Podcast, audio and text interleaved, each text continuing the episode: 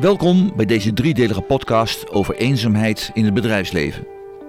Je luistert naar aflevering 2, waarin we praten wat je aan zou kunnen doen aan het verminderen van eenzaamheid bij jouw medewerkers. Deze podcast is een initiatief van de Slinger Hengelo, het netwerk van maatschappelijk betrokken ondernemingen in Hengelo, in samenwerking met 120 Hengelo. Op verzoek van de gemeente zet de Slinger zich in om met verschillende bedrijven een bijdrage te leveren aan de zo nodige bewustwording en preventie van eenzaamheid binnen bedrijven zelf. Meer informatie over deze podcastserie vind je op www.deslingerhengelo.nl. In deze uitzending gaan we in gesprek met Brigitte Schoenmaker. Ze is eigenaar van Stylings, het bekende kappersbedrijf in uh, Hengelo. Naast mij aan tafel zit ook uh, Frank Kerkhaert, voorzitter van de Slinger Hengelo en mijn naam is Roeland Vens. We hebben inmiddels één podcast opgenomen over eenzaamheid en bedrijven, waarbij we zijn ingegaan op signaleren van eenzaamheid bij de medewerkers. Eerst even over die eenzaamheid op de werkvloer. Waar gaat het dan om, Frank? Ja, Roeland, ehm, zoals we ook in de, in de vorige podcast al met elkaar bespraken, is in de kern natuurlijk eenzaamheid is een gemis aan goede relaties met anderen. En dat kun je natuurlijk ook hebben, een behoefte aan echt contact en je dat niet kunnen krijgen. Dat kun je ook allemaal thuis hebben. Maar wij zoomen in op uh, wat gebeurt er als dat zo is op de werkvloer. Kun je ook tijdens het werk eenzaamheid ervaren. En de kans op eenzaamheid ook op je werk is nu nog zichtbaarder geworden. Want dat bestaat al, maar we zijn er nog niet zo bewust van. Maar nu, in deze coronatijd, je moet thuiswerken. Je mag soms niet op je bedrijf komen. En dat gevoel van eenzaam zijn, ook in je werk, dat is nu wel meer zichtbaar geworden. Kijk, de een die ervaart thuiswerken als ja, saai. Maar er zijn ook mensen die zeggen, nou ik vind het wel lekker, uh, lekker handig als ik thuis mag werken.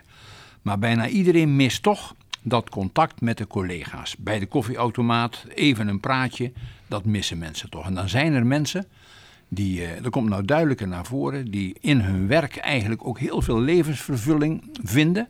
En dat kan nou niet meer. En dat is waar we nu echt op inzoomen.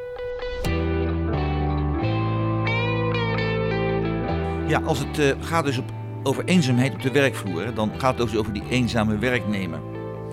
Uh, nou, je hoeft als baas uh, natuurlijk geen, geen therapeut te worden. Maar voor het welzijn van je medewerkers lijkt het mij wel essentieel dat het erom gaat omdat je echt voor beleid maakt in je bedrijf.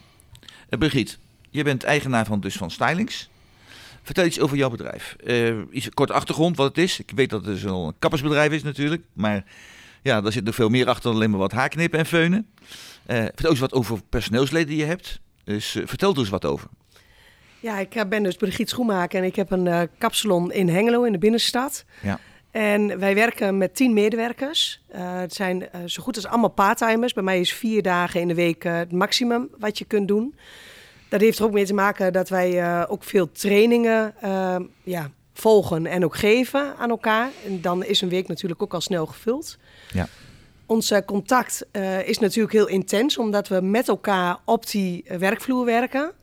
Um, maar goed, gelijktijdig zijn we vijf dagen open en werkt iedereen maximaal vier dagen. Dus er zijn ook momenten dat jij um, ja, jouw collega maar één of twee keer maximaal in de week ziet. En wat ik heel erg belangrijk vind, is dat we, als we bij elkaar zijn, dat we ook gewoon elkaar oprecht kunnen vragen: hey, hoe is het? En niet in de wandelgangen vragen: gaat goed? En dan eigenlijk alweer zo doorlopen. Dat is iets wat in de laatste jaren eigenlijk um, nou ja, heel normaal is geworden. Dus in Amerika natuurlijk en in Engeland heel normaal van... hey, how you doing? En ondertussen zijn ze al aan het eind van de straat. Ja.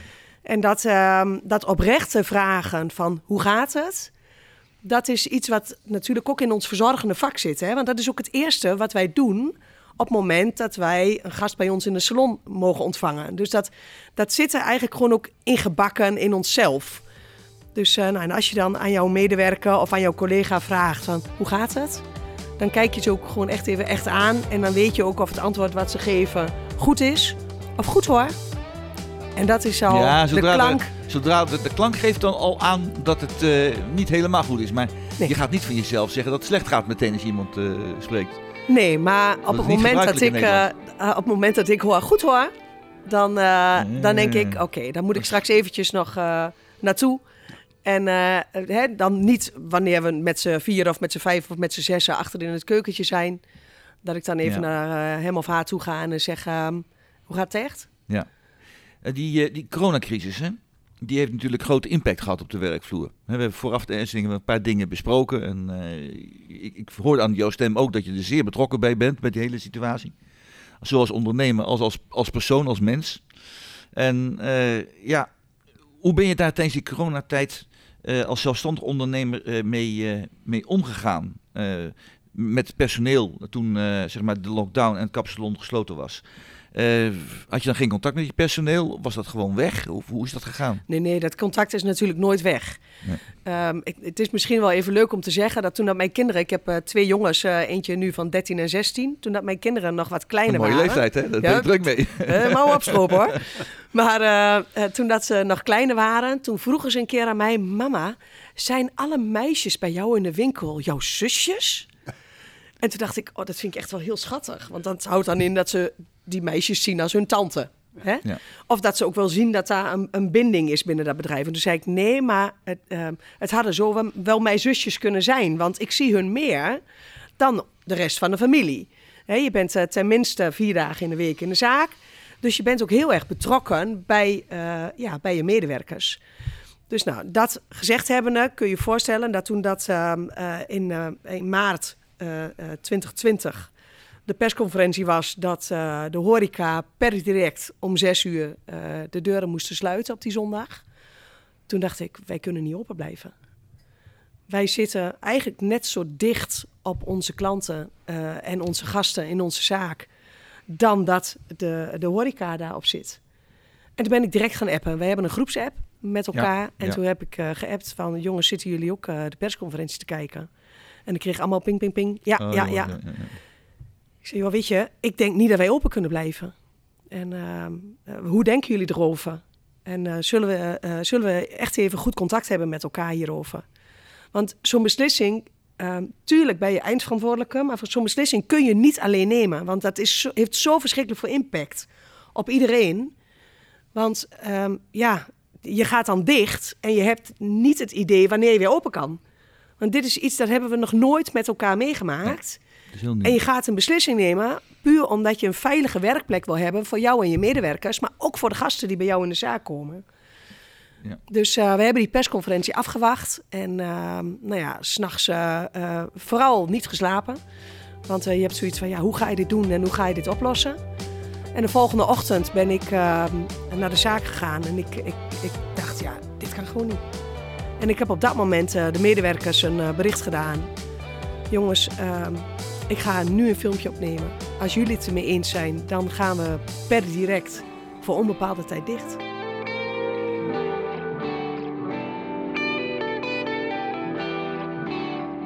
Brigitte, uh, ja, coronatijd. De boel ligt plat, de boel ligt stil.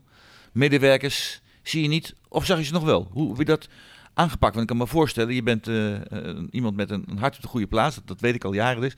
Dus je hebt echt hart voor de medewerker ook. Heb je, nog, heb je ze alleen gelaten of wat heb je ermee gedaan? Vertel. Nee, tuurlijk. Niet alleen laten. Echt niet. We zijn uh, uh, uiteraard na die maandag dat wij uh, besloten hebben om uh, de zaak dicht te doen, hebben wij de medewerkers allemaal bij elkaar geroepen. En we zijn wel onze gasten gaan bellen, want we hadden natuurlijk allemaal afspraken staan. En iedereen heeft zijn eigen gastenkring gebeld. En dus ook echt gevraagd hoe dat het met ze gaat. En, uh, en de afspraken verzet. En in eerste instantie was het een uh, sluiting voor drie weken. En we hebben uh, ja, die, die afspraken allemaal dus drie weken verder gepland. En we zijn in die coronatijd ook gewoon wekelijks bij elkaar geweest om te kijken hoe gaat het oh. en hoe is het. Totdat we dus weer een verlenging kregen. En uiteindelijk hebben we. Dus je waren wel op de zaak, de, de personeel is gewoon op de zaak gekomen. Eén keer in de week. Eén keer in de week. Ja. En dan heb je toch weer contact met elkaar. Ja. Ja, dat is heel fijn natuurlijk. En uiteraard gewoon hè, met alle voorzorgsmaatregelen die we dan ook moesten hebben. En de koffie. Uiteraard, natuurlijk. Was nog te vroeg voor een wijntje. Ja. Maar goed. Nee, en uh, ik moet ook heel eerlijk zeggen dat wij in, uh, in die periode ook gewoon uh, echt hebben geprobeerd om contact te houden bij de lockdowns. Sowieso met onze gasten. Want we hebben uh, in totaal sommige mensen echt wel zes keer moeten bellen in die twee lockdowns. om weer uh, de afspraken te verzetten. Mm -hmm. En het is niet even zomaar een belletje om te zeggen van. Uh, ja, sorry, de afspraken moeten weer verzet worden. Nee, dat was echt. Iedereen heeft gewoon de tijd genomen. En ook gezegd van. hey, hoe gaat het? En red je het? En ook die vraag kwam ook terug. En dat was ook heel fijn. Dat mensen zeiden: Oh, en red begint het nog wel? En gaat het allemaal wel goed? En redt ze het ook financieel? En wat ook ontzettend fijn was, is dat we, we hebben in die periode hebben wij een, een soort thuisbezorgd uh, ja, service opgezet. Ja. Ik ben zelf gaan rijden. Dat Zo, was ook ja. om mezelf op de been te houden. Want voor mij is het natuurlijk ook, ik zie zeker 50 mensen op een dag. En in één keer zag ik alleen maar mijn eigen gezin. Maar je kan helemaal niet stilzitten, jij. Dat ik kan helemaal niet stilzitten. Dus ik werd echt niet leuker voor mijn eigen gezin. Dus, uh, maar goed, dat, hè, ja. ik, ik, vond echt het ook heel belangrijk om mijn gasten te blijven ja. Uh, ja, bedienen. Dus we zijn producten weg gaan brengen en kleursetjes weg gaan brengen. En ik was bijna teleurgesteld als er op, het, op de deur zet, stond van... Uh, zet het pakketje maar bij de voordeur. Toen dacht ik, oh, dat zie ik ze helemaal niet. Ja. Dus het was voor mijzelf ook een soort van therapie. Maar goed, uh, uh, dat gezegd hebben, is het ook wel heel erg leuk... dat we op die manier wel contact hebben kunnen houden met en onze medewerkers... Ja. maar ook met onze gasten. En ik heb in die periode, ik zat toch in de auto en uh, ik denk, nou dan kan ik ook wel eens een keertje zo mijn, uh, mijn medewerkers langs een verrassingsontbijtje gebracht. En uh, met de Pasen uiteraard een leuk paasgeschenkje. En zo zijn we ja, wel Gewoon druk geweest om te met, kijken. Met ja, ja, maar ook om ervoor te zorgen van, joh, weet je... Um, je hoort erbij. Ja, ja dat is gewoon belangrijk. Je moet gewoon zorgen dat je, als je dicht bent, dan um, is het voor die mensen zelf, hè, voor mijn medewerkers, ook onzeker. Want ze weten absoluut niet wat er op dat moment speelt. Ja. Ze zien mij wel alle kanten oprijden, omdat ik natuurlijk ook die filmpjes gemaakt had. En ik, ik deelde dat ook wel in de, in de groepsapp. Maar je moet je voorstellen, als medewerker zijnde, je hebt een vaste baan. Je hebt een vast inkomen. Maar je werk is dicht. En dan? Ja. He, gaat het door? Hoe ver kun jij als um, werkgever dat dragen? Die steunpakketten bleven uit. Hoe ver kun jij ervoor zorgen dat jouw salaris nog steeds binnenkomt? En als jij als medewerker alleen in huis zit en je hebt geen contact met jouw werk, dan kan ik mij voorstellen dat dat ontzettend veel onzekerheid met zich meebrengt. En die onzekerheid is het laatste wat jij kunt gebruiken op het moment dat jij zo vol in contact altijd bent met mensen en in één keer zit jij ook thuis. Ook thuis ja. En dat kan niet. Dus ja. ik vond het heel belangrijk om ze ook gewoon mee te nemen in het hele financiële plaatje. Zo van, nou, jongens, luister, uh, als dit nog doorgaat, ik kan het drie maanden volhouden. En als er dan steunpakketten komen, nou, dan kan ik het denk ik wel vier maanden volhouden. Dus uh, hè, hou, hou rekening mee, jullie hoeven hier geen zorgen te maken. Jullie hypotheek of jullie huur of alles wat gewoon betaald moet worden, kan, kunnen jullie blijven betalen. Ik ben altijd zuinig geweest, maak je geen zorgen. En dat ook dat vind ik gewoon heel belangrijk om dat te delen met je mensen.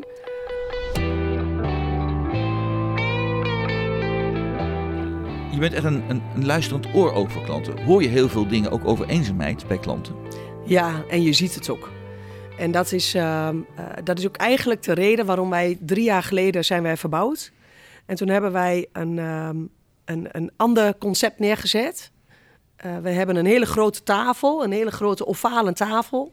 Waar acht uh, stoelen, uh, en dat is wel grappig, al op anderhalve meter. Dus dat is geen vooruitziende blik. Maar wel omdat ik gewoon ook fijn vind dat mensen ruimte hebben. En als ze hun verhaal doen, dat dan ook niet gelijk de hele boel, de hele boel uitschuifbare oren heeft en weet waar het over gaat. Maar die tafel waar acht mensen aan kunnen zitten, die heeft kleine spiegeltjes. Dus het is eigenlijk voor ons alleen maar een communicatiespiegel.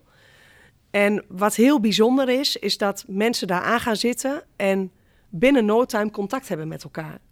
Want je hebt geen mega grote spiegel voor je. Je kijkt er langs. Het is een spiegeltje wat echt gewoon, het had een handspiegel kunnen zijn. Um, en mensen die, die kijken naar elkaar, die, je komt eraan, je knikt. En als iemand in een boekje zit, dan weet je, nou, die wil gewoon even lekker een moment voor zichzelf. Maar soms ontstaan daar gewoon ook hele ja. leuke gesprekken aan zo'n tafel. En wat ik zelf heel erg merk, is dat je merkt dat de mensen die uh, bij je komen, uh, daar heb je een band mee. Daar creëren ook uiteindelijk een band mee. En die gaan jou, ook omdat je aan ze zit, hè, je zit aan iemands hoofd, je zit aan iemands lijf, je komt echt letterlijk ja. binnen. En uh, dat je hele vertrouwde gesprekken krijgt. En soms zijn, gaat dat dus ook inderdaad over eenzaamheid. Ja, dat, dat kan ik me heel goed inderdaad ook voorstellen. Ja, zijn we inderdaad in dat einde van de uitzending gekomen. Kun je nog even aangeven een paar, paar korte tips? Hè, wat tips en tops voor uh, ondernemers in jouw omgeving, in Hengelo. Van wat zij nog kunnen doen na deze coronatijd om ook die eenzaamheid binnen het eigen bedrijf, om dat uh, ja, preventief mee om te gaan. Hoe je daar op een goede manier mee omgaat. Kun je er iets erover zeggen? Ja, tuurlijk. Ik, ik vind het zelf heel erg belangrijk dat je, als je iets vraagt, dat je oprecht vraagt. Dus kijk iemand echt gewoon in de ogen en vraag hoe gaat het? En dan zie je of iemand antwoordt uh, als sociaal wenselijk of als van, nou ja, hoe dat het ook echt gaat. Daarnaast denk ik dat het heel belangrijk is om uh, goed te kijken in je bedrijf wat je kunt doen om mensen heel betrokken te houden. En dat houdt in dat je als werkgever of als manager soms zelf ook gewoon wat opener moet zijn in wat er speelt in het bedrijf. Ik merkte dat op het moment dat ik heel erg open werd over hoe dat mijn situatie was op dat moment, dat er vanuit de medewerkers ook een soort van, nou ja, extra jas om me heen kwam. Van joh, Brigitte, maar je staat niet alleen. Wat kunnen we doen? En hoe kunnen we je helpen? En hoe kunnen we er nou voor zorgen dat we die gasten nog beter gaan bedienen? Een van de dingen was heel erg leuk. We hadden een kaartje uitgebracht. Uh, met, uh, we hopen dat je binnenkort weer gauw bij ons uh, in de stoel zit. En hebben we een gelukspoppetje met een bijtje gedaan. Ah, mooi. Leuk. Ja, en ja. toen kwam mijn team in één keer. Maar Brigitte, als jij dat gaat doen via de post, dan kost dat hartstikke veel geld. Wij gaan dat wijk voor wijk zelf in Hengelo bezorgen. En dat vond ik zo gaaf. Eigen initiatief gewoon. Dat initiatief. En niet alleen omdat ze dan wisten van nou, dat, dat scheelt je 600 euro. Maar ook, ze hadden zelf ook behoefte om even naar die gast van ons heen te gaan. Om te zeggen, ik hoop dat je binnenkort weer bij ons bent. Ja, ja, ja. En ook gewoon in die ogen kijken. Dus het, het is ook echt gewoon het voorbeeld wat je als bedrijfsleider, ondernemer, manager geeft. Dat pakt jouw omgeving, pakt dat gewoon op. Ja. En dat krijg je dus ook echt letterlijk terug. Een positieve manier besmettelijk, zo gezegd. Uh, Brigitte, in ieder geval uh, dankjewel voor, uh, voor dit gesprek. Het was heel verhelderend en erg fijn dat bij ondernemers in het midden- en kleinbedrijf in Hengelo aandacht is voor elkaar. Ook samen strijden tegen de eenzaamheid. Dankjewel. Heel graag gedaan.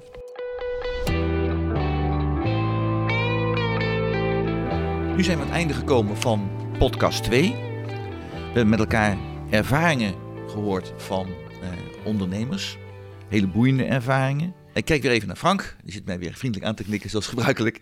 Uh, Frank, wat, uh, wat is je opgevallen bij uh, deze podcast 2? Ja, het ging hier echt om wat kun je nou doen in je bedrijf, groot of klein, met weinig medewerkers of met veel medewerkers.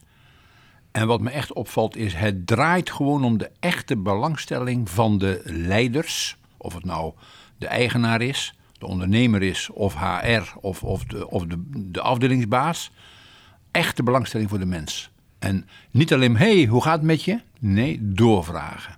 Echt luisteren wat iemand te melden heeft. En als je dan ook maar, dat voel je als mens, van is het echt of is het niet echt? En als het niet helemaal echt is, doorvragen, belangstelling hebben, er naartoe gaan. En mensen betrekken bij het werk. Dus niet alleen maar je bent de baas, maar laat je ook zien. Heb je wat te melden als afsluiting? Ja, mail het ons. Uh, mail naar deslingerhengelo.nl, info uh, uh, deslingerhengelo.nl als je zelf ook voorbeelden hebt. En als je hier meer over wil weten, kijk naar onze website deslingerhengelo.nl. En uh, volgende podcast zal gaan over de resultaten van wat er allemaal gebeurd is. Nou, graag tot de volgende keer.